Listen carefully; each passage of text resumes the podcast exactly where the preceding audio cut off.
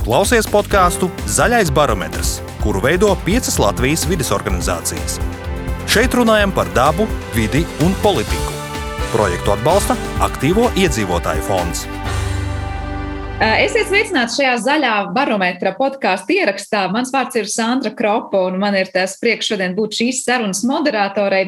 Kā jau droši vien būsiet dzirdējuši, zaļais barometrs ir tāds projekts, kur organizē vairākas Latvijas vides nevalstiskās organizācijas, lai runātu par dažādiem ar vidi saistītiem jautājumiem. Un tad nu šoreiz mums turpmākā stunda paies sarunās ap un par to, ko tieši vides aizsardzības labā var darīt tieši pašvaldībās. Ko var darīt ik viens no mums? Arī kā šī pašvaldība iedzīvotājs, lai ar vidi saistītie jautājumi labāk tiktu integrēti pašvaldību lēmumos un pats galvenais arī darbos un rīcībām. Uh, droši vien, ka nu, daudzas no vidas problēmām, kad mēs par tām runājam, tiek saistītas ar nacionālu mērogu, dažādiem vai regulējumiem, vai ierobežojumiem, vai pat uh, reģionāliem. Un tomēr ir vairākas lietas, kas attiecas tieši uz to pašvaldību līmeni. Un par to mēs šodien arī sīkāk un smalkāk runāsim.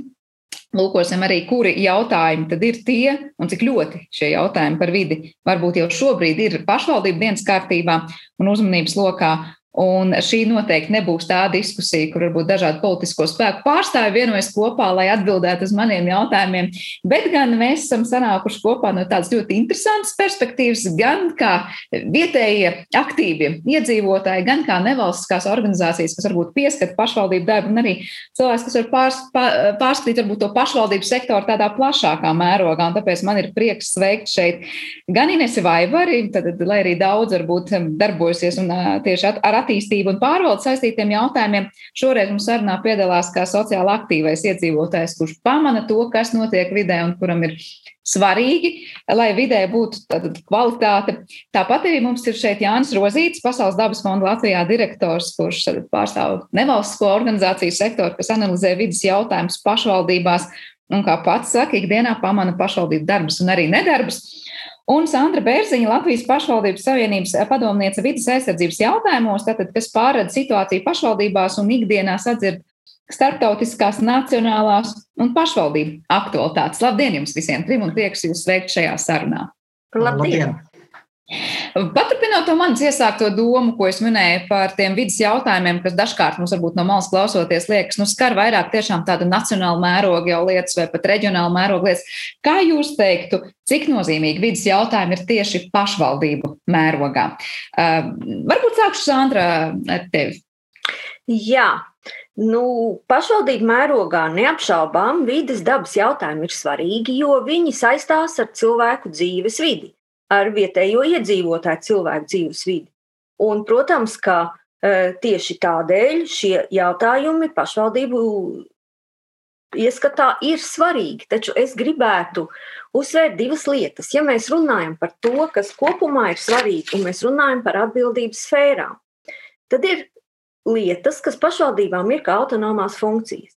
Un tās ir lietas, ko pašvaldības arī dara, un kas viņām ir obligāti jādara un jānodrošina, un jānodrošina atbilstoši vidas normatīviem, piemēram, atkrituma apsaimniekošana, piemēram, ūdens saimniecība, kanalizācija. E, bet ir lietas, ko pašvaldības saredz kā svarīgas un dara kā absolūti brīvprātīgas iniciatīvas.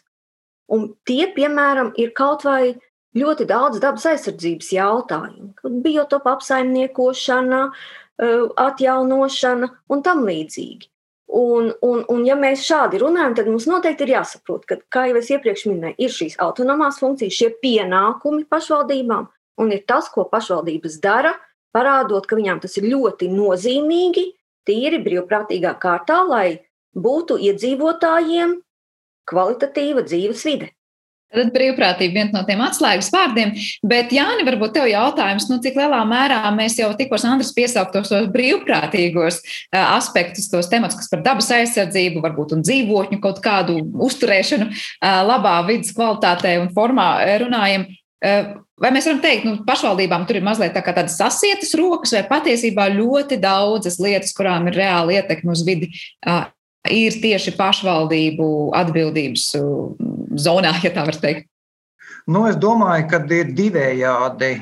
ir noteikti šis starptautiskais, starptautiskais redzējums, ir nacionālā likumdošana, un, protams, ir pašvaldību vēlme nu, tiešām, kā jau Sandra teica, nu, līdzdarboties proaktīvi vai līdzdarboties pat ārpus tā, nu, tā tiesiskā regulējuma.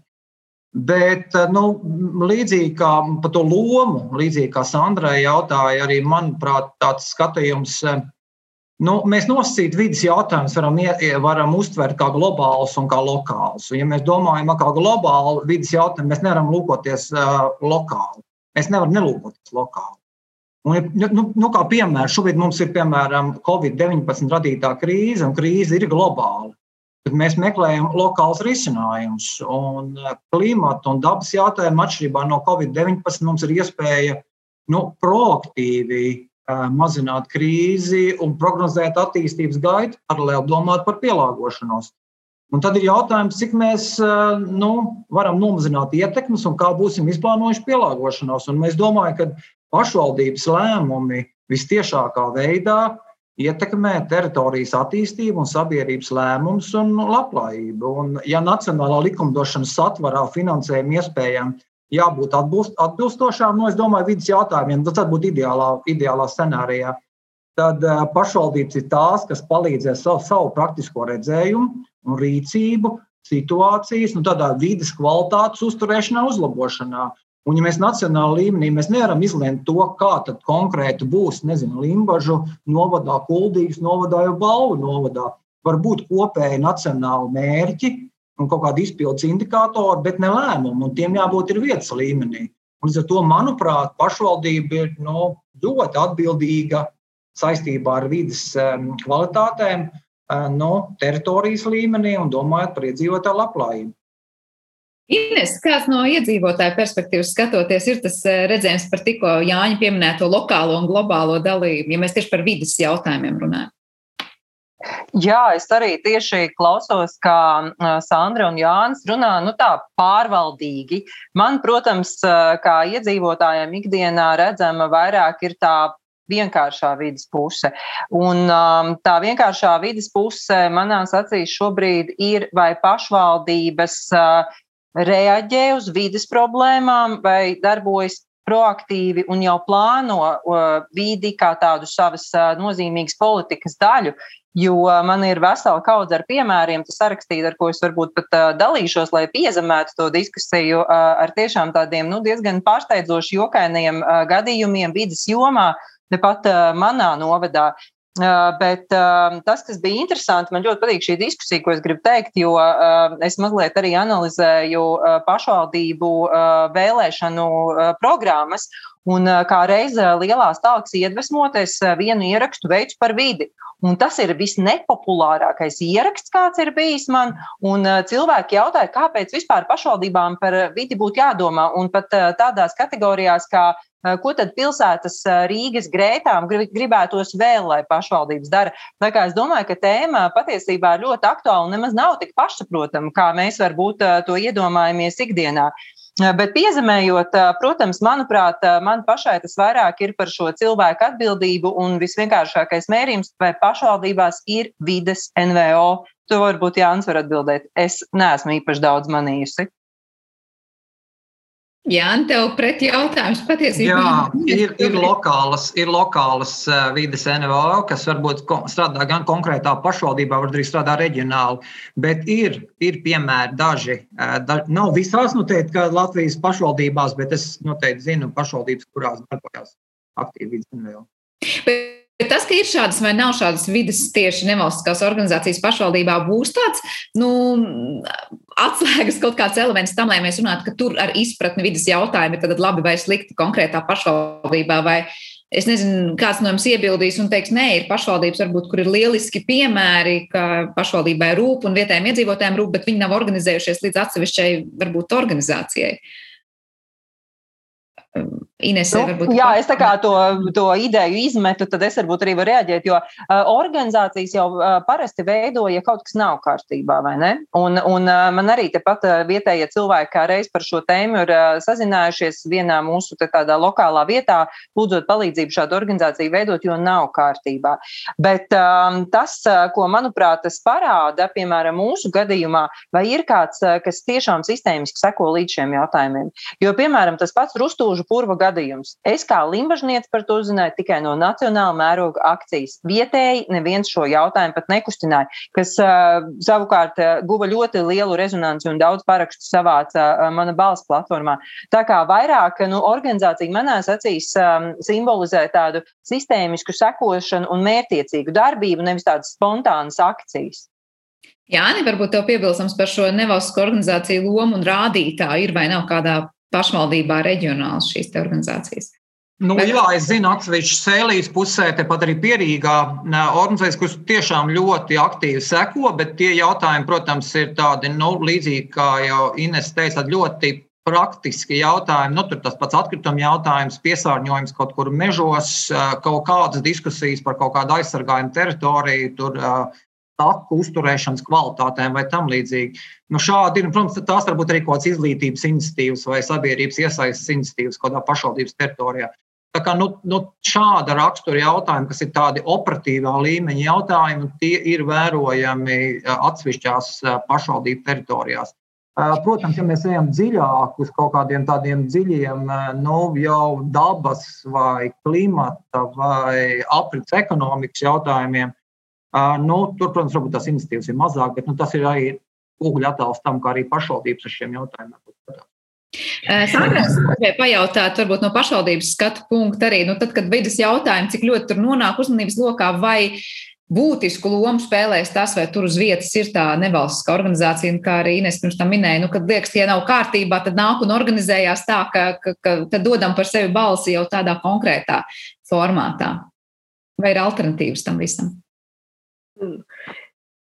Es neteiktu, ka vides jautājumu izpratne, risināšanas kvalitāte būtu viennozīmīgi uh, atkarīga no tā, vai konkrētajā pašvaldībā ir vai nav vidas nevalstiskās organizācijas. Jo tas ir atkarīgs arī no cilvēku aktīvas pozīcijas. Un pašvaldība jau nav tā, kurai ir jādibina nevalstiskas organizācijas. Cilvēkiem ir jāgrib to darīt, un cilvēkiem ir jābūt aktīviem. Un tad pašvaldībai ar šīm nevalstiskajām organizācijām ir jāsadarbojas. Bet es pilnīgi piekrītu tam, ko teica Jānis, un es arī varu teikt, ka ir atsevišķas pašvaldības, kuras ļoti labi sadarbojas ar nevalstiskajām organizācijām. Un katru gadu pat rīko konkursus nevalstiskām organizācijām, piešķir finansējumus, bet Es neuzskatu, ka tā būtu tieša korelācija vidas nevalstiskās organizācijas un vidas jautājumu risināšana pašvaldībā. Bet tad jautājums, tas, ko Inês arī minēja, ka ir kaut kādas lietas, kas notiek un vietējā mērogā atsaucību negūst, bet lūk, man balss LV līmenī tur jau ir lielāka atsaucība.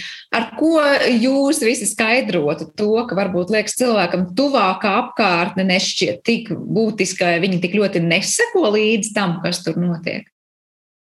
Ines to sāk, varbūt Ines arī jautājums par to, kāds būtu tas skaidrojums. Es īstenībā ļoti daudz domāju par vides tādu atbildību lokālā līmenī, jo Mana mazpilsēta ir tāda ļoti sakopta, bet man ārkārtīgi šokē ļoti bieži daudz, piemēram, nezinu, cigarešu paciņas, kas ir iebāztas koku dobumos. Es dzīvoju pie pārka, tur regulāri ir pudeles zemē, un viņas ir ilgi. Es esmu testējusi, cik ilgi tā pudele zemē stāvēs, vai kāds pielieksies un pacels. Un uh, es uh, arī ar sunu eju uz ezeru, un tas, kas, ko es redzu pavasarī, mani tiešām šokē. Un pēc tās pašas lielās talkas arī jau nākamajā dienā mētājas pudeles. Un man liekas, ka jā, mēs, protams, varam teikt, uh, ok, mēs tur iedziļinamies. Mums arī bija, piemēram, lūk, lūk konkrēts piemērs, arī viena no savas saraksta nosaukšu. Uh, mēs ezerā ielaidām zivju mazuļus, par kūzgavilēju viss novecs. Pēc divām dienām mēs plānojam uh, pasākumu, un cilvēks saka, varbūt mēs varam degošas svecītas, tās mazās bloškas metāla ielaist iekšā ezerā. Ja?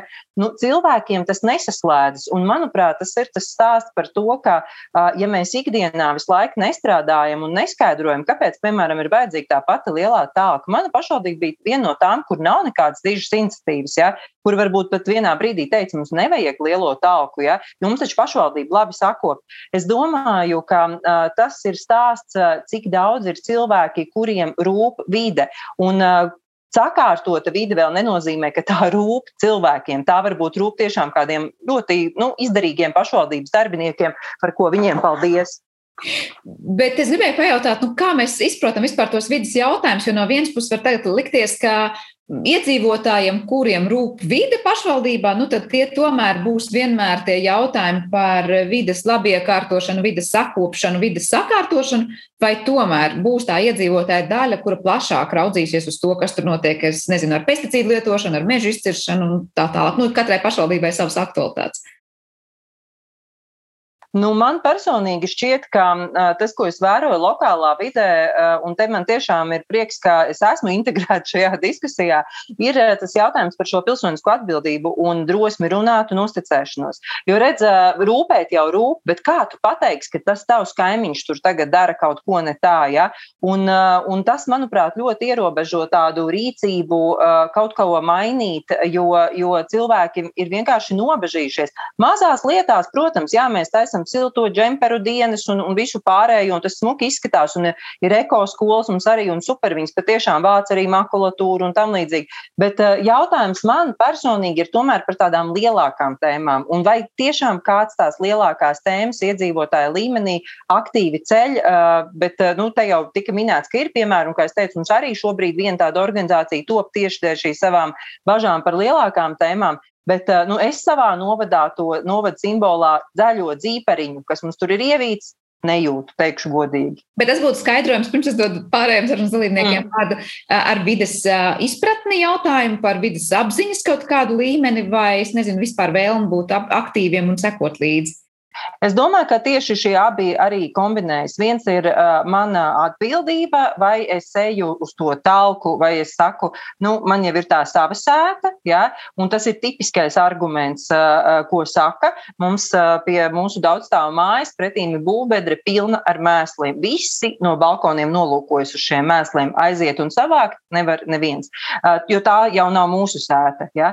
Un, un uh, otrs jautājums ir uh, par to uh, izpratni ārpus tām mazajām lietām, jo visas tās komunikatīvās iedzīvotāju izglītošanas kampaņas, viņas ir par tādām uh, ikdienišķām lietām. Šķirosim atkritumus, darīsim to un to, bet vai ir tāda padziļinātā izpratne, piemēram, lūk par šo pašu purvu, ja? man personīgi arī viņa nepiemīt, man vajag kādu, kas man to izstāsta, un tāpēc es priecājos, ka ir šīs nacionāla mēroga organizācijas, kuras par to rūpējas un kuras var, nu, tiem lokālajiem piebikstīt bišķiņu, bet, bet es domāju, ka cilvēki paliek ar vien gudrāk par šīm tēmām, man tā šķiet. Jautājums, jā, vai sadzird? Jāni, varbūt tavs eh, redzējums uz tām tēmu loku un ko saistam un nesaistam ar vidas jautājumiem. Nu, man jāpie, jāpiekrīt Inesē par pilsonisko aktivitāti. Jo, protams, kad eh, ja mēs skatāmies, kas notiek piemēram mana balss platformā, nu skaidrs, ka mums ir lielāka paraugu kopa, kur mēs šos parakstus savācam. Mēs savācam, piemēram, pret, pret eh, lūšu medībām cilvēku, kuri ievieto šo šo aicinājumu parakstu 11, 11 vai cik vai 10, pārpa 10 vai 11 tūkstoši cilvēku. Protams, tas ir saistīts ar visu no Latvijas iedzīvotājiem. Panākt to, ka Valmieras novadā mainīsies, pievērsīs uzmanību vai mainīsies kaut kas attieksmēs pret dabu un savākt tur 10 vai 11 tūkstoši parakstu, tad būs daudz grūtāk, jo nu, tur ir tiešām jāstrādā ar katru konkrētu cilvēku. Un vismaz tie piemēri, kas, nu, kas man nāk prātā par, par, par parakstu vākšanu, nu, manā, bals, manā balsī man būtu proaktīvam. Bet man, ir, man nāk atmiņā kaut kādā pēdējā desmit gadu laikā, ka man ir kaut kādi cilvēki zvanījuši un uzrunājuši, nu, vai tas ir tiešām bijis no lauku pagastu līmeņa, kur viņiem, piemēram, ir neapmierinātība ar to, ka tiek izcirst nu, meži kaut kādā X meža masīvā. Man viņi jautā, ko tad darīt, un es saku, nu, tad jūs runājat ar tiem meškopiem un mēģiniet panākt kaut kādu vienošanos. Viņi saka, mai, bet tie meškopi tur neklausās, un viņi saka, kāpēc tur viens vispār par to dedz. Un tad es saku, nu, mēģini aptaujāt, ko domā tie apkārtējie cilvēki. Un tad, kad tas cilvēks uzraksta kaut ko uz tās lapas un apstaigā apkārt mājas, tad viņš man saka, ka viņš uzrunā 350 cilvēkus, aizbrauc pie katra personīgi. Un, un, un 97 vai 98% cilvēku šo lapu parakstu.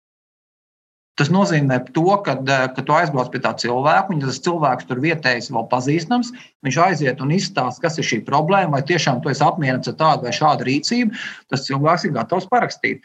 Un, un tādā veidā nu, nonākam pie tā, ka varbūt nu, tur ir divi vienā. Viens, atnāk pie manis mājās un pastāsta, un otrs, ka man izstāsta arī to argumentāciju, kāpēc mums to nevajadzētu. Un tad mēs nonākam pie to, to gadījumu, pie tā purva, vai pie tā gadījuma par kaut kādām karjeru ierīkošanu, vai kaut kādu meža masīvu, nu, tādu intensīvu izciršanu, kur nu, tas varētu radīt kaut kādas ietekmes cilvēkiem gan uz rekreāciju, vai uz kaut kādu ogu sēņu lasīšanu, uz kaut kādiem vietējām, nu, es gribētu teikt, paraduma iespējām vai tiesībām.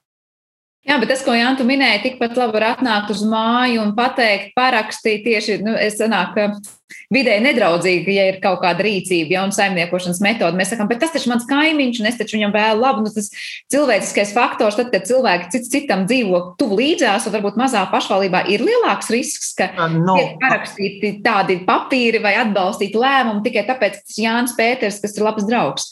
Tiešām tas tā ir. Un mēs atceramies citu piemēru, kas bija cēlus apkārtnē, ka Gausmas salā parkā bija plānots meža kontrolētā dedzināšana, kas bija ekoloģiski pamatota, zinātniski argumentēta. Un tad nu, pretinieki savāca savukārt no apkārtējiem iedzīvotājiem nu, arī vairākus simtus parakstus, lai šo aktivitāti nu, apslāpētu. Kaut gan tas bija nu, pēc būtības konkrēta dabas vērtību atjaunošanai, uzturēšanai, sugu sastāva no nu, uzturēšanai, kas nu tajā dzīvotnē būtu, nu, kurām būtu jābūt un kuras pielāgojas uguns traucējumam. Jā, šis piesauktais piemērs jau īstenībā arī ir ļoti kliedzošs tajā brīdī, kad jau ir jābūt ar kādām pastiprinātām, iespējams, zināšanām vai nu, jāinteresējas par tām vidas tēmām tik ļoti, lai varbūt emocionāli primāri nenoreaģētu uz to, ka ā, deg kaut kas tāds, tas ir slikti aizliedzami. Ja tu teici, tas bija tad ekoloģiski pamatots un zinātniski pamatots. Bet man Sandrai jautājums, jā, mēs daudz pieskārāmies no, no tā jautājuma, no kā šos dažādos vidas jautājumus redz pašvaldību līmenī, varbūt gan pašvaldības, gan, gan vietējie iedzīvotāji. Vai pirmkārt tā ir problēma, tas, ko Jānis tikko arī aktualizēja, ka nu, ir šī dzīvošana līdzās citam ar citu, un varbūt dažkārt pietrūkst zināšanas vai pietrūkst vienkārši stājas iestāties pret to, ar ko grib nodarboties varbūt kaimiņš vai darba devējs, lai arī tas būtu pretrunā ar vidas kaut kādiem aizsardzības principiem.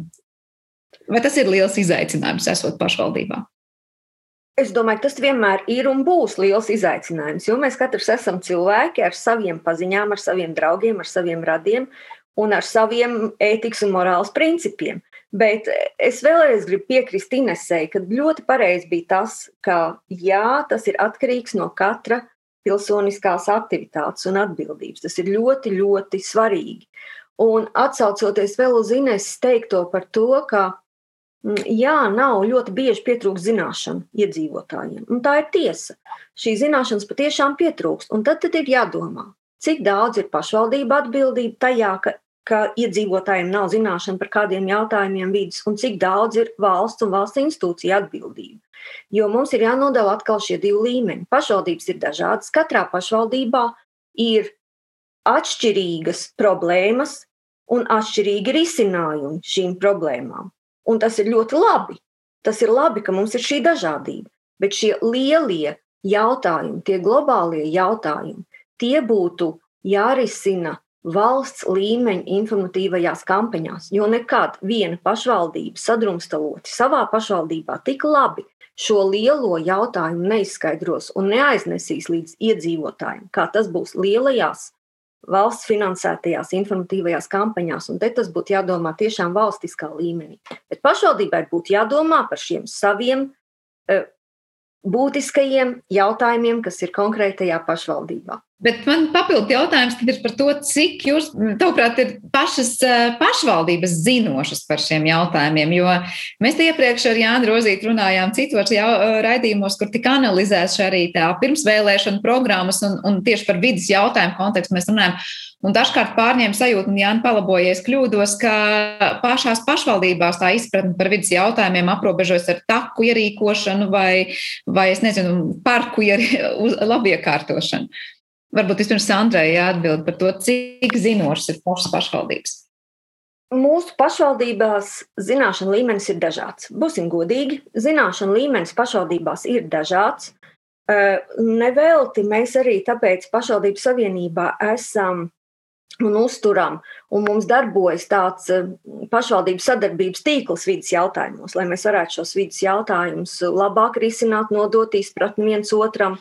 Bet, jā, ir pašvaldībām vēl daudz jāmācās, bet ir arī pašvaldības, kur ir ļoti labs šis izpratnes līmenis. Tā kā tas ir dažādi. Bet kurš par to ir atbildīgs? Iepriekšējiem vārdiem runājot par zināšanām iedzīvotāju vidū, mēs teicām, ir kaut kas, kas ir atbildība nacionāla mēroga un atkal lokāla. Kurš ir atbildīgs par to, kādas zināšanas ir pašām pašvaldībām par, un izpratni precīzāk par vidas jautājumu nozīmīgumu? Nu, primāri neapšaubām ir, protams, pašām pašvaldībām atbildība par to, kāds ir viņu zināšanu līmenis. Un te ir atkal jāskatās dažādas iespējas, bet jā, skaidrs, ka nu, tas ir pašvaldību atbildības līmenis, kā, kādi ir viņu zinoši vai nezinoši speciālisti. Protams. Jā, jā paldies, Jāni. Es te piesaucu mūsu iepriekšējo sarunu un to, ko Zaļā barometra ietvaros esat pētījuši vairākas vidas organizācijas kopā tieši par pirmsvēlēšanu laiku un partiju programmām un to, kā partijas vispār saredz šos vidas jautājumus. Tur tie secinājumi no vienas puses nebija īpaši glaimojoši. Jā, nu, secinājumi noteikti nav glaimojoši, bet eh, piebilstot Sandras teiktajam, nu, nešaubīgi jau, ka šis novada vadītājs, šie deputāti, ir tādi paši cilvēki, kā jebkurš cits, un kā arī mēs šeit sarunas dalībnieki. Un skaidrs ir tas, ka eh, jautājums ir par eh, nepieciešamības redzējumu kā individam, jautājums par izglītību un vērtībām konkrētam lēmumu pieņēmējam. Un lēmumu pieņēmējs zināmā mērā arī veido tālāk visu šo sastāvu, kas strādā pašvaldībā, kas par kuru jautājumu atbild. Tie ir tādā izpildu izpild līmenī. Un trešais ir patiesībā šis vietējais sabiedrības pieprasījums. Un tad mēs nonākam pie šīm trim lietām, un kas zināmā mērā tālāk dzenē to profesionālo ietvaru tiešām. Vai mums būs tas vides atbildīgais cilvēks pašvaldībā, vai būs tas vai tas vai tas, nu, kā mēs to finanš, finanses budžetēsim tam līdzīgi. Un tad, protams, šis finansējums piesaista un nodrošinājums. Un jautājums, vai tā, ja, tā paš, ja mēs tā abstrakti lūkotos uz pašvaldību kā uz biznesu, uz uzņēmumu, tad es vienmēr saku uzņēmējiem, saku, padomājiet par savām no, nu, korporatīvo tēlu, par savām vērtībām, par tām īpatnībām, kā jūs pozicionējaties tirgū. Kā jūs pozicionējaties pie saviem patērētājiem. Un tāpat mēs varam teikt par pašvaldību. Nu, kāds ir pašvaldības korporatīvais tēls un ko tā pašvaldība redz? Vai tā vide un daba, vai šīs vērtības tiešām tiek iekšotas dziļi līdz saknei, un par to mēs runājam un domājam līdztekus socioekonomiskiem jautājumiem, vai tas vides jautājums paliek tikai ārēji, kā tāds, nu, ja kāds kaut ko prasa, tad, nu, Sandra jau pieminēja, no ja atkritumi to parasti nu, tauta prasa un grib, un mēs negribam, lai apkārt netīri ir, vai mēs zinām, ir kanalizācijas jautājumi un visu ūdens sistēmas jautājumi. Nu, pēc būtības, vai mēs to minimumu un to saprotam, kas mums jādara, vai mēs tiešām to liekam daudz plašāk iekšā. Un tas atkal, es atgriežos, tas ir pie, pie vērtībām un izglītības cilvēkiem, kas pieņem lēmumus. Bet varbūt, nu, kuri tavuprāt būtu tie lielākie klupšanas akmeņi tajā izpratnē? Nu, piemērs, labi, jau mans piesauktais uh, turisma takas ierīkosim un sakārtosim kaut ko un radīsim vietējiem iedzīvotājiem sajūtu, ka mums rūp vide un daba, bet vienlaikus varbūt izcirtīsim kaut ko vai, vai pieņemsim kādu lēmumu, kas nebūtu nu, pavisam noteikti videi draudzīgs, lai, lai kā mēs to sauktu, vai es nezinu, tāpat jūsu analizētie zaļie iepirkumi, es saprotu, nu, lai tas nebeidz tikai ar uh, ēdienkartes zaļināšanu, varbūt izglītības iestādē. Nu, es varu pavisam īsi iziet vienam tādam, nu, es tagad klausos, un es domāju, tā, lai mēs saprastu, par ko es runāju. Nu, tāda ir mana pieredze. Es varu salīdzināt uzreiz trīs pašvaldības no Latvijas, kas man ir bijuši tikai vienīgi pieredzē saistībā ar man diezgan tuvu jautājumu un tiem pašiem mežiem. Kas ir ko konkrētajā teritorijā. Es atceru, atceros tikko, mums bija skaļš notikums ēģu novadā, meža īpašuma apsaimniekošana, kurā kauts ir mežsaimniecība, vēlme noslaucīt bioloģiski vērtīgās mežaudzes braku apkārtnē. Un gāja runa par pašu novadu īpašumu. Jautājums par, par konkrēto novadu, kā par īpašnieku, nevis par to, ka tas ir kaut kur valsts vai, vai privātajā zemē. Nākamais tam atmiņā nāk, piemēram, piem, piemērs, kurš pirms vairākiem gadiem man bija saruna vienā diskusijā ar Dobelas novadu vadītāju par atkal par saudzējušu saimniekošanu mežos. Tur gāja runa par valsts mežiem um, tā, konkrēti īlas apkārtnē, kur vietējiem iedzīvotājiem nepatika tās iniciatīvas, kas tur notiek, un viņi gribēja kaut kādu pašvaldību, kā vidutāju palīdzību, saudzīgākas meža apsaimniekošanas. Un tur es atceros, ka vadītāja interesētība bija minimāla vai pat tuvojas nulē. Tas būtu tā iniciatīva nebija. Un tad es atceros trešo piemēru, kas man bija atkal kaut kāds dažs gads atpakaļ par, par jūru, par piekrasti, kur bija plānotas likumdošanas izmaiņas par to, ka piekrastē, piemēram, intensīvāk cirsti uh, meži. Un gāja runa par intensīvāku kailceļu pielietojumu. Es atceros kaut konkrētu novadu, kur novada vadītājs bija pilnīgi pret, jo viņi saskatīja, ka novada iedzīvotājiem un viesiem ir nepieciešams šīs rekreatīvās vērtības, vajadzīgas šīs dabas vērtības. Un trīs dažādi stāsti.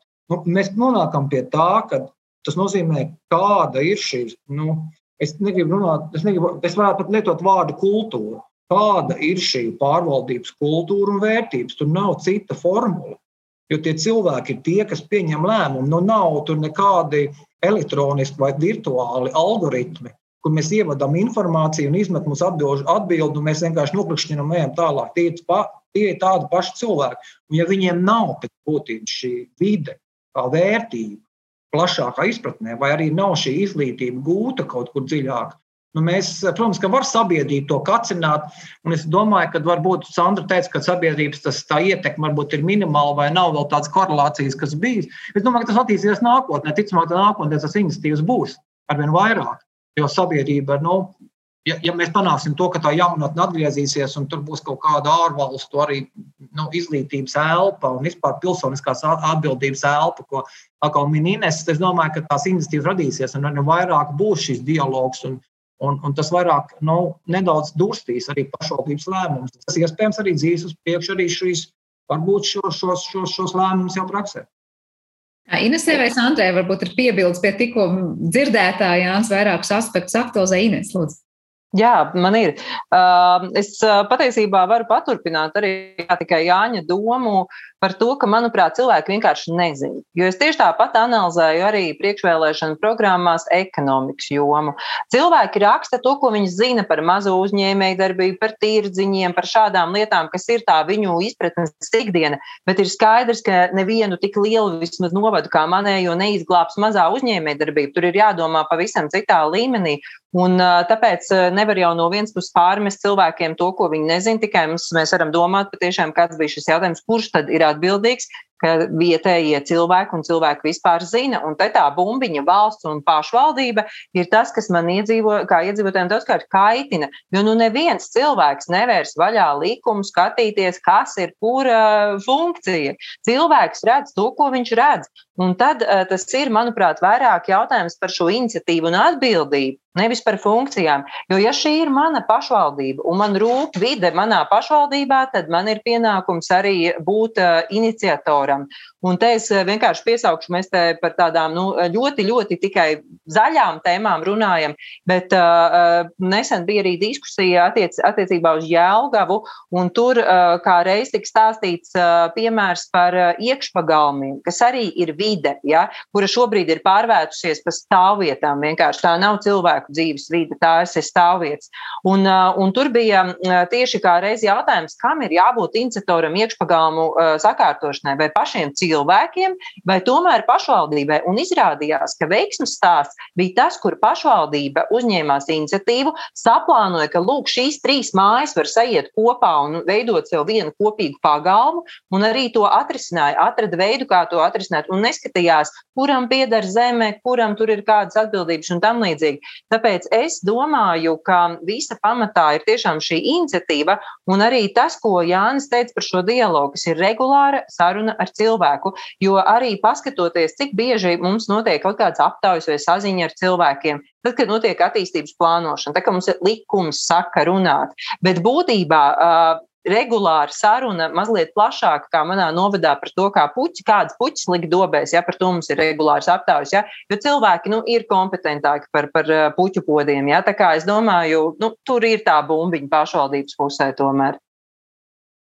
Sandra, Lūdzu, tikko piesauktā komunikācija ar vietējo iedzīvotāju, nu kā to uzlabot un kāda tā īsti notiek? Vai tā sajūta, ka pirms vēlēšanās, vēlēšanām varbūt tā sāsnās un pēc tam atkal nokrīt, vai, bet, bet kā panākt, lai tā ir tāda konstanta un, un tiešām veselīga visu laiku? Nu, es domāju, mēs tātad šodien runājam par saziņu vides jomā, vai ne? Mēs precizēsim šo. Bet eh, es gribētu vispirms mazliet iebilst Jānim, ka es neteicu, ka sabiedrības ieinteresētība nekorelē es ar, ar vidas jautājumu risināšanu. Tā man doma bija, ka tas vai ir vai nav nevalstiskā organizācija vides. Tas nav tik ļoti būtiski. Sabiedrības interesi, protams, ka korelē. Bet sabiedrības interese nav viens un tas pats, kas nevalstiskās organizācijas esamība. Bet jā, šo saziņu ar iedzīvotājiem. Pašvaldībās, kā jau es minēju, pašvaldības ir dažādas un katra dažādi risina šos jautājumus, bet man ir arī labi piemēri. Piemēram, Mārups novads saziņai ar iedzīvotājiem vidas jautājumos ir pat īpaši saziņas kanāli izveidojis. Dzīvo zaļi, un kur iedzīvotāji var sniegt savu saziņu. Tieši tāpat ir pašvaldībā šie saziņas kanāli, piemēram, par gaisa piesārņojumu. Bet, bet jā, tas mums ir jādomā, kā pašvaldības labāk uzklausīt šos iedzīvotājus un viņu vēlmes. Es pilnīgi piekrītu. Bet, ja mēs runājam par šīm vietējām iniciatīvām, ko pašvaldības dara, nu pat es apkopoju pašvaldību darbus, lai sniegtu vidas ministrijai informāciju par vidas politikas pamatnostāļu izpildi. Un man jāatzīstās, ka pat es biju pārsteigts saņemot šīs pašvaldību atbi nu, atbildes par daudz dažādām iniciatīvām, kas ir dažādās jomās, ko faktiski mēs tā nemaz saulītē nepaceļam, un mēs nemaz nezinām, ka pašvaldības tik daudz dara. Gan dažādi biotopu kopšanās, gan, gan mēs šobrīd vairāk tā kā runājam par dabas aizsardzību, bet ir ļoti daudz pasākumu, ko dara klimata jomā, ko dara apgaismojuma jomā, ko dara transporta jomā.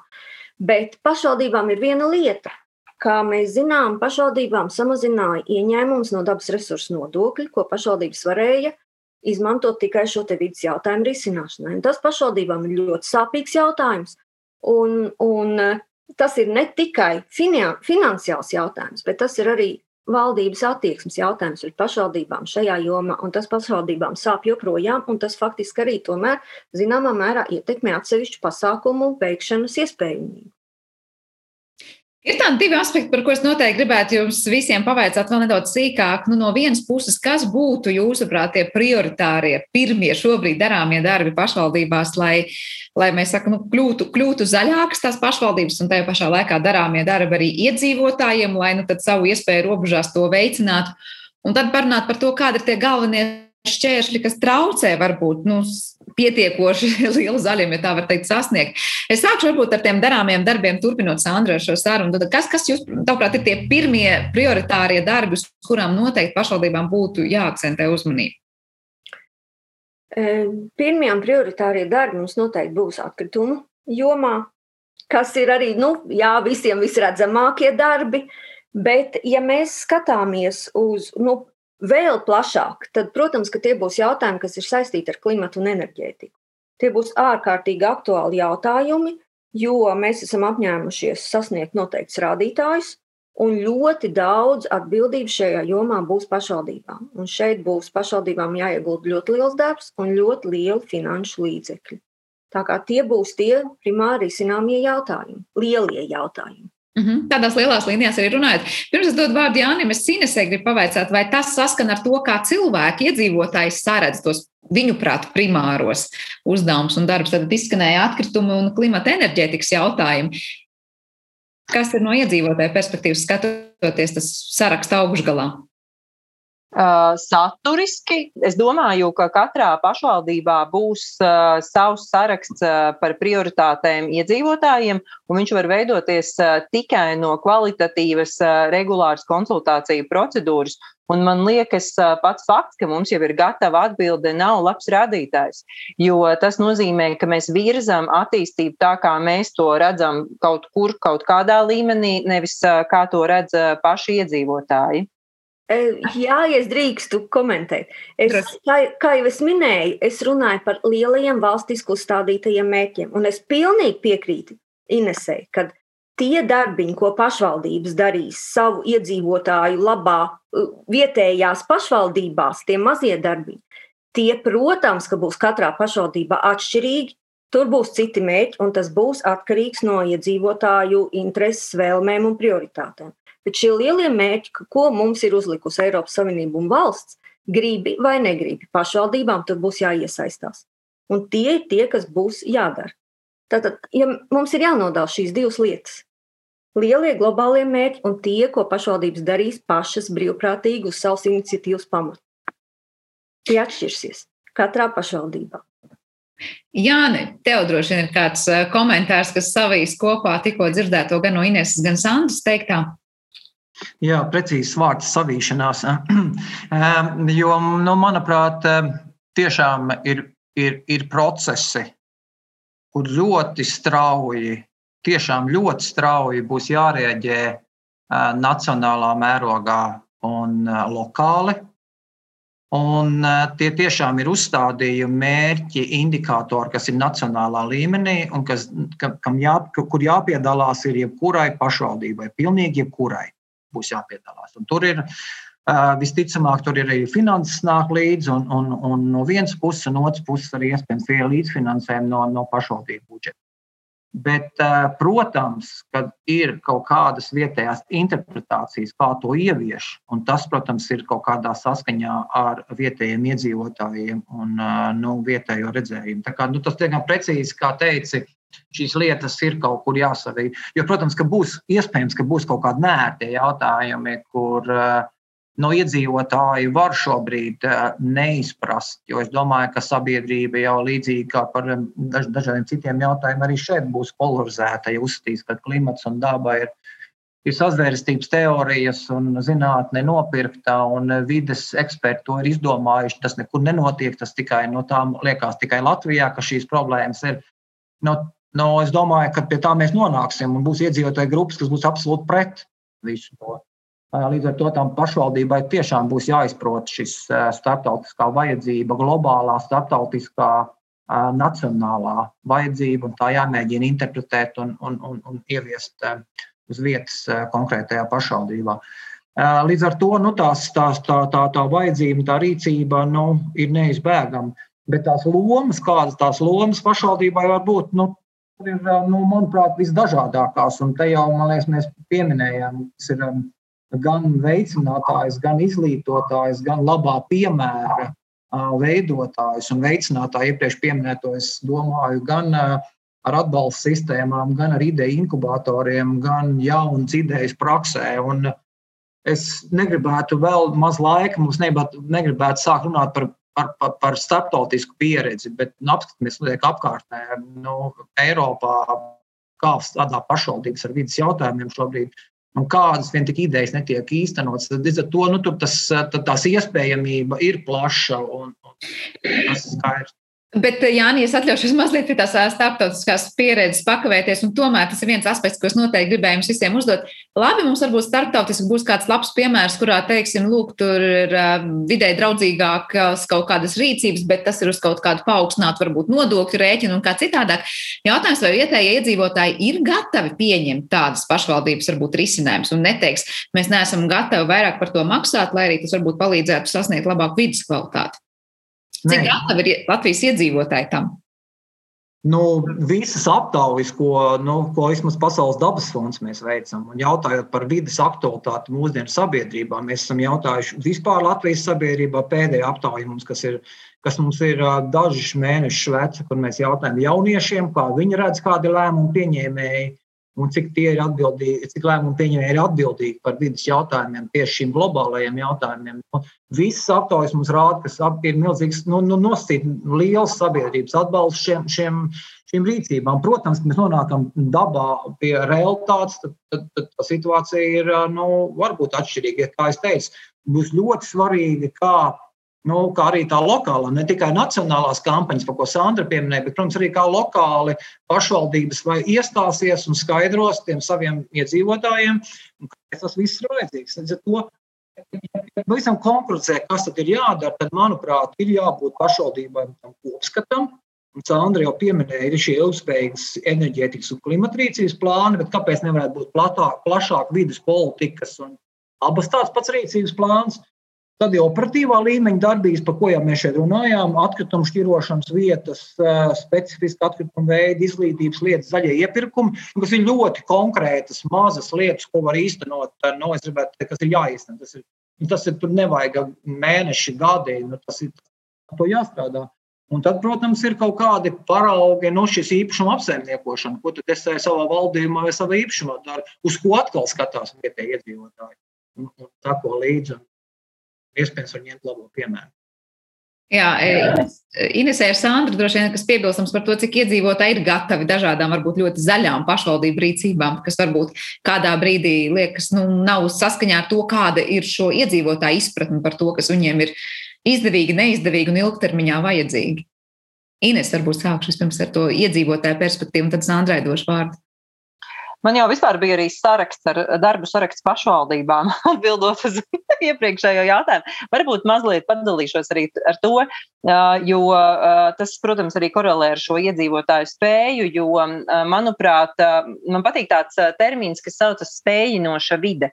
Jo, ja mums ir vide, kas ļauj iedzīvotājiem uzņemties iniciatīvu un radīt kādas, varbūt pat jā, savādākas, inovatīvākas reakcijas, tad viņi arī to darīs cilvēki tiešām dara Latvijā. Nav mums pasīvi cilvēki, mums ir ļoti daudz ļoti aktīvu cilvēku, viņiem ir jāļauj darīt. Un tāpēc man tās idejas, kas bija, ka pirmkārt ir tiešām regulāri jārunā par vidi. Mēs mīlam pie cilvēkiem iet, prasīt viņu problēmas, bet mēs nemīlam raisīt diskusijas, varbūt lūk, jā, par šādām divpusējām, trīspusējām tēmām, bet tad sēžam pie galda un diskutējam, kā tad mēs redzam tos vidas jautājumus savā pašvaldībā. Otrs, šajos pašos arī Sandris pieminētajos projektu konkursos, nu nav jāatbalsta tikai varbūt kultūras projekti vai kādi citi tādi iecienītāki, kur cilvēki grib, bet izvirzam vienu gadu, piemēram, visā Latvijā projektu konkursos vides prioritāti, lai cilvēki domā, lai viņi mēģina un testē kādas iespējas. Trešais, kas man šķiet, um, kā iedzīvotāju, tāda jau arī esoša laba institīva, ir šīs ekoskolas, kuras uh, tomēr lielākoties darbojas uh, pagaidām tādā nu, vietējā līmenī, vietējās skolas līmenī, bet es domāju, ja viņi vairāk ietu uh, kopienā, pilsētā, būtu redzamāki, tad patiešām nebūtu vajadzīgs arī šīs organizācijas, kā Sandra teica, bet mums būtu vienkārši aktīvi cilvēki. Un um, pēdējais jautājums, kurš man šķiet būtisks, ko aizskar arī tikko Jānis, ka ir jāskatās plašākā izpratnē nākotnē ir jāskatās uz mobilitāti, uz uh, to, kādas mums ir ielas, kādas mums ir zaļās zonas, zilās zonas, pagalmi, uh, arī no dažādu mēķu grupu viedokļa. Prasam ģimenēm, ko ģimenes grib pilsētā, ko ģimenes grib novadā. Tā kā nekur jau tālāk no tiem klasiskajiem cilvēku iesaistas principiem mēs netiksim, bet uh, jautājums ir, vai mēs varam kopīgi izvirzīt kaut vai vienu gadu sākumam kā vides prioritāti. Jā, man tā, klausoties šajā sarakstā, likās, nu, ko darīt, kad tā ģimenei būs viena prioritāte, kādam citam iedzīvotāju grupā būs vēl kāda cita prioritāte. Tad jautājums Sandrai, kā pašvaldība atradīs to ideālo zaļumu, varbūt, un kā, kā izprot pašvaldības to savu ideālo zaļumu? Es nezinu, vai mēs varam runāt par ideālo zaļumu, jo katram vienmēr šis savs ideālais zaļums būs savādāks un atšķirīgs. Gan katram iedzīvotājam, uh, gan katrai pašvaldībai, gan katrai valstī, ja mēs tā skatāmies. Tādēļ es negribētu runāt par, par ideālo zaļumu, bet es vajadzētu runāt par to, kā mēs varam padarīt šo vidi tādu, lai cilvēki būtu priecīgi tur dzīvot, lai tā vide būtu veselīga, lai tā vide būtu bioloģiski daudzveidīga, un tai pašā laikā, lai tai vidē varētu arī ekonomiski attīstīties. Un tas ir tas lielais jautājums, kas mums stāv priekšā un pie kā mēs jau vēl neesam tikuši pie šīs atbildes. Un tas, es domāju, pie šīs atbildes tikt būs ļoti, ļoti sarežģīti. Jo tur ir jābūt interesētiem un jāsadarbojas visiem - pašvaldībām, iedzīvotājiem, valsts institūcijām, nevalstiskajām organizācijām. Jo tikai tad mēs varēsim dabūt to maksimāli labāko variantu. Bet, ja mēs runājam par, nu, mazliet pieskaroties iepriekšējiem jautājumam par, par iedzīvotāju maksātspēju, vai iedzīvotāji ir gatavi maksāt, ir ļoti dažādi. Arī mēs esam runājuši un, un, un ar pašvaldībām. Ir ļoti dažādi, un tas ir atkarīgs no tā, gan, gan no šīs cilvēku zināšanām par vidi un vēlēšanās kaut ko labot, gan arī no reālās cilvēku maksātspējas. Un ir jau gadījumi, es ar kaut vienu konkrētu gadījumu nosaukt, piemēram, par um, atbalstu um, iedzīvotājiem, lai pieslēgtos pie centralizētās ūdens, ūdens un kanalizācijas sistēmas. Un ir pašvaldības, kuras ir izdevušas saistošos noteikumus un kuras līdzfinansē šo pieslēgšanos, jo tas ir pietiekami dārgs process. Jo galvenais mērķis nu šajā gadījumā ir tīra vide.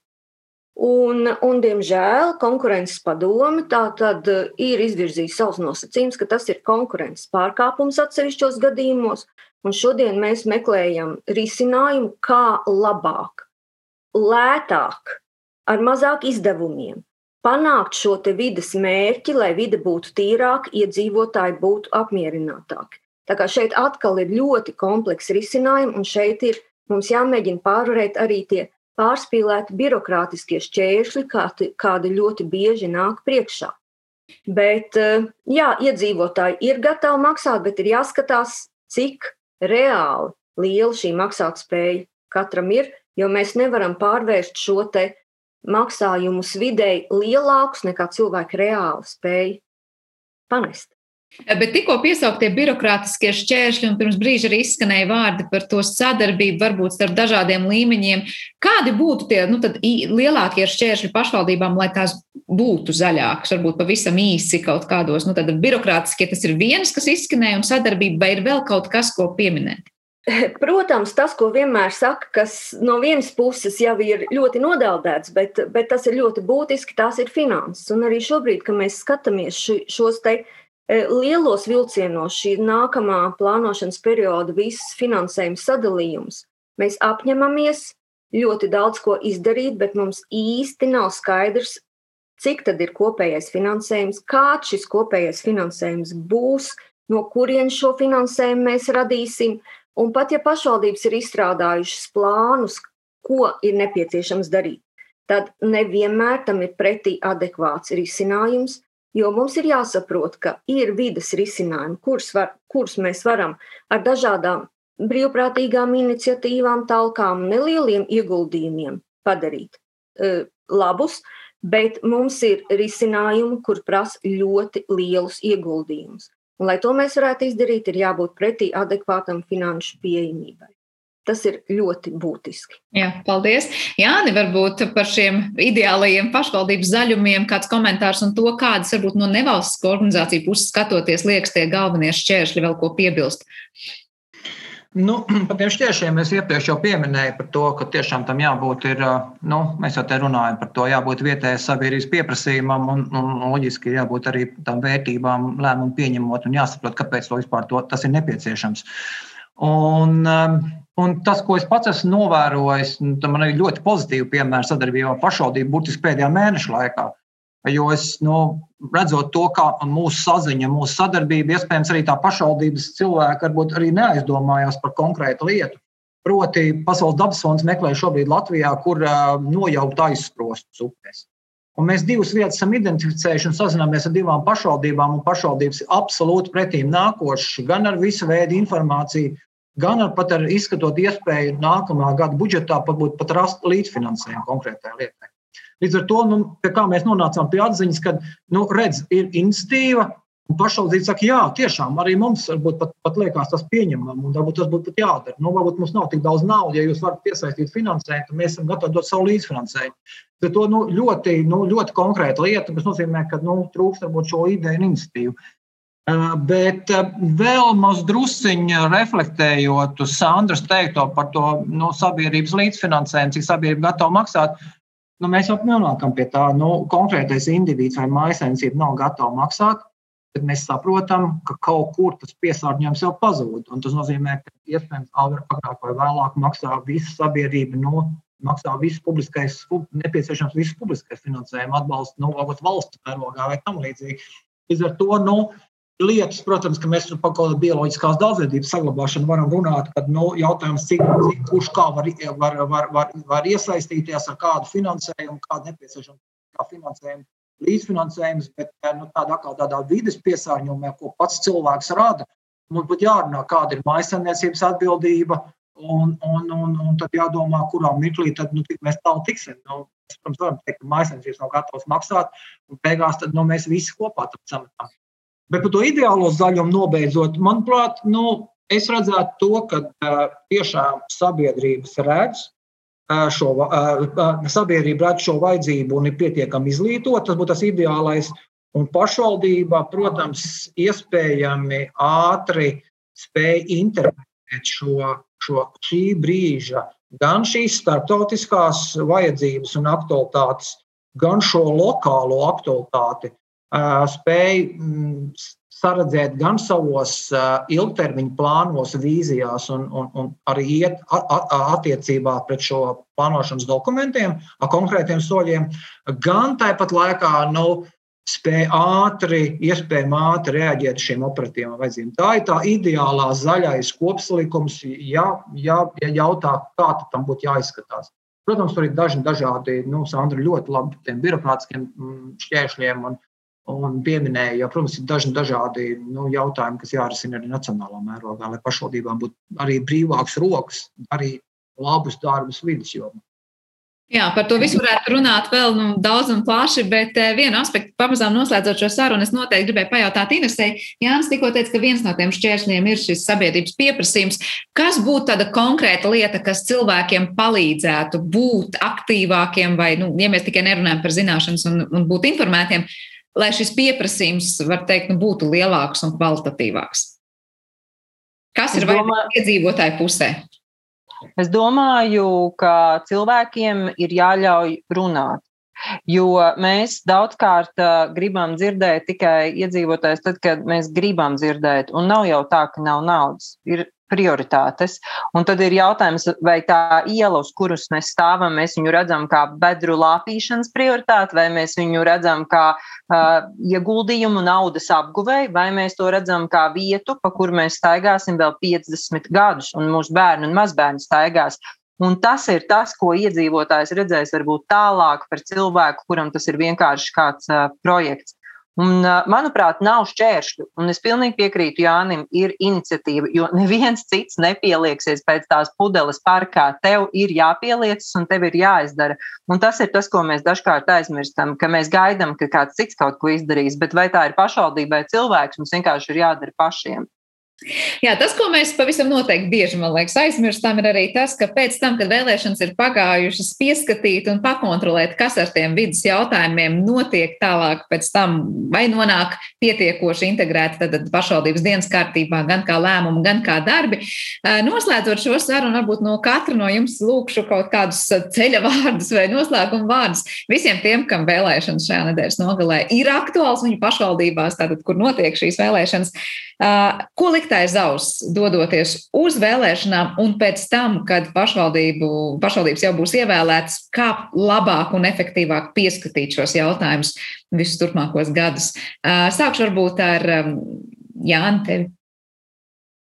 Nu, jā, nu, katrā ziņā nu, mans aicinājums noteikti ir doties uz vēlēšanām, jo nu, pirmkārt tas ir pilsoniski atbildīgi doties uz vēlēšanām. Otrkārt, ja mēs skatāmies tieši par šīs dienas jautājumiem, ko mēs runājam, vidi, nu, tad, tas ir, tad, tas, tad tā ir iespēja tiešām līdzdarboties arī pašvaldības līmenī nu, saistībā ar šiem vidas jautājumiem. Jo tajā vienalga, cik mēs aktīvi būsim mājsaimniecībā, mums jāsaprot, ir, ka, ka nu, gal galā šie, šie plašākie jautājumi, šīs pašvaldības izvēles ir, nu, ir daudz ietekmīgākas, iespējams, nekā mana mājsaimniecības lēmuma. Bet eh, noteikti cilvēkiem doties un uh, nu, identificēt šīs sarakstu personības, viņu solījumus, sarakstu programmu ierakstus uh, vidas jautājumā un esiet kritiski. Un ar vēlēšanām jau tikai sākās, nevis kaut kas beidzās. Un, un, un, un mēs šodien runājām par šo interaktīvo rīcību. Gan pašvaldībai jānāk pretī ar šo nu, sabiedrības iesaisti, gan sabiedrībai jābūt aktīvai un jāpieprasa, ja gadījumā kaut kur kavējās. Lai nu šie lēmumi tiek eh, kaut kā plašāk izdiskutēti un sabiedrība tiešām jūt, ka, nu, ka tā līdzdalība ir nozīmīga un ka tā tiešām tiek kaut kādā veidā sabiedrība iesaistīta. Jā, paldies. No pašvaldību varbūt puses skatoties tie ceļavārdi tiem, kas dosies uz vēlēšanām un kā pēc tam efektīvāk sadarboties un pieskatīt tos vidus jautājumus pašvaldībās. Jā, es arī pilnīgi piekrītu Jānim. Ir visiem jādodas, jābūt pilsoniski aktīviem, ir kritiski jāvērtē priekšvēlēšana programmas, eh, jāskatās, kas katram konkrētajam vēlētājam ir visaktuālākais, kas viņus vairāk saista, un, protams, ka pēc tam jāseko līdzi. Bet, ja pats vēlētājs aktīvi nedarbosies, aktīvi nesazināsies, aktīvi neiesaistīsies, bet stāvēs malā un pēc tam teiks, nu jā, nu viņi jau tur neko, vai viņi tikai slikti, tad jau mēs uz priekšu neattīstīsimies. Tā kā tas, ko mēs šodien visu dienu runājam, visu šo laiku runājam, tas ir mūsu katra paša pilsoniskā aktivitāte, mūsu katra paša ieinteresētība savas vietas sakoptībā, savas vietas attīstībā, savas vietas vides plašākajā nozīmē kvalitātes nodrošināšanā. Tāpēc sekosim līdzi un, un būsim pilsoniski aktīvi. Jā, paldies. Tiešām atslēgas vārds varētu būt plašākajā kontekstā, palūkoties arī uz šiem vidas jautājumiem. Uh, Ines, nu tad sanāk, tie būs sarunas noslēguma vārdi no iedzīvotāja skatu punkta. Varbūt ir kāds no kā sociāli aktīvi iedzīvotāji vēlējums vai, vai tiešām ieteikums citiem. Es gribu novēlēt, atrast uh, vēl divus cilvēkus pēc vēlēšanām, kuriem rūp tas, kas jums rūp. Vai tā būtu jūsu māja, vai tas būtu jūsu pagalms, novads, kāds koks. Jo um, tas, ko es esmu pieredzējusi savas mājas pilsoniskajās aktivitātēs, ir, ka viens nav cīnītājs. Tur vajag pāris cilvēkus, kuri viens otru piestutē, viens otram atgādina. Un uh, kaut vai mazs, mazs darbiņš, tas uh, var būt viens telefons zvans kādreiz kādam, var nostrādāt kā ļoti, ļoti liela motivācija un uh, aizvēl to sniega bumbu tālāk, lai notiktu plašākas lietas. Tā kā atrodiet divus cilvēkus, un tas jau būs ļoti liels solis. Jā, viss sāks ar maziem soļiem, kas noved tālāk pie lieliem soļiem un nozīmīgiem soļiem. Cerams, ka tā arī būs. Es teikšu jums tiešām visiem trim ļoti lielu paldies par dalību šīs dienas zaļā barometra podkāstu sarunā un atgādināšu, ka šodien šeit viesojās Ines Vaivara, Jānis Rozīts un Sandra Bērziņa. Es ceru, ka noderīgi viss šī saruna būs ne tikai pirms pašvaldībām, bet arī pēc tam, eh, pirms vēlēšanām, bet arī pēc tam eh, darboties un sekot līdz tam visam, ko mēs pēdējās minūtēs jau arī dzirdējām. Un vēl tikai piebildīšu, kā projekts Zaļais barometrs īsteno Latvijas vidas nevalstiskās organizācijas, Latvijas ornitoloģijas biedrība, Latvijas dabas fonds, Zaļā brīvība, Latvijas bioloģiskās lauksaimniecības asociācija, kā arī Pasaules dabas fonds.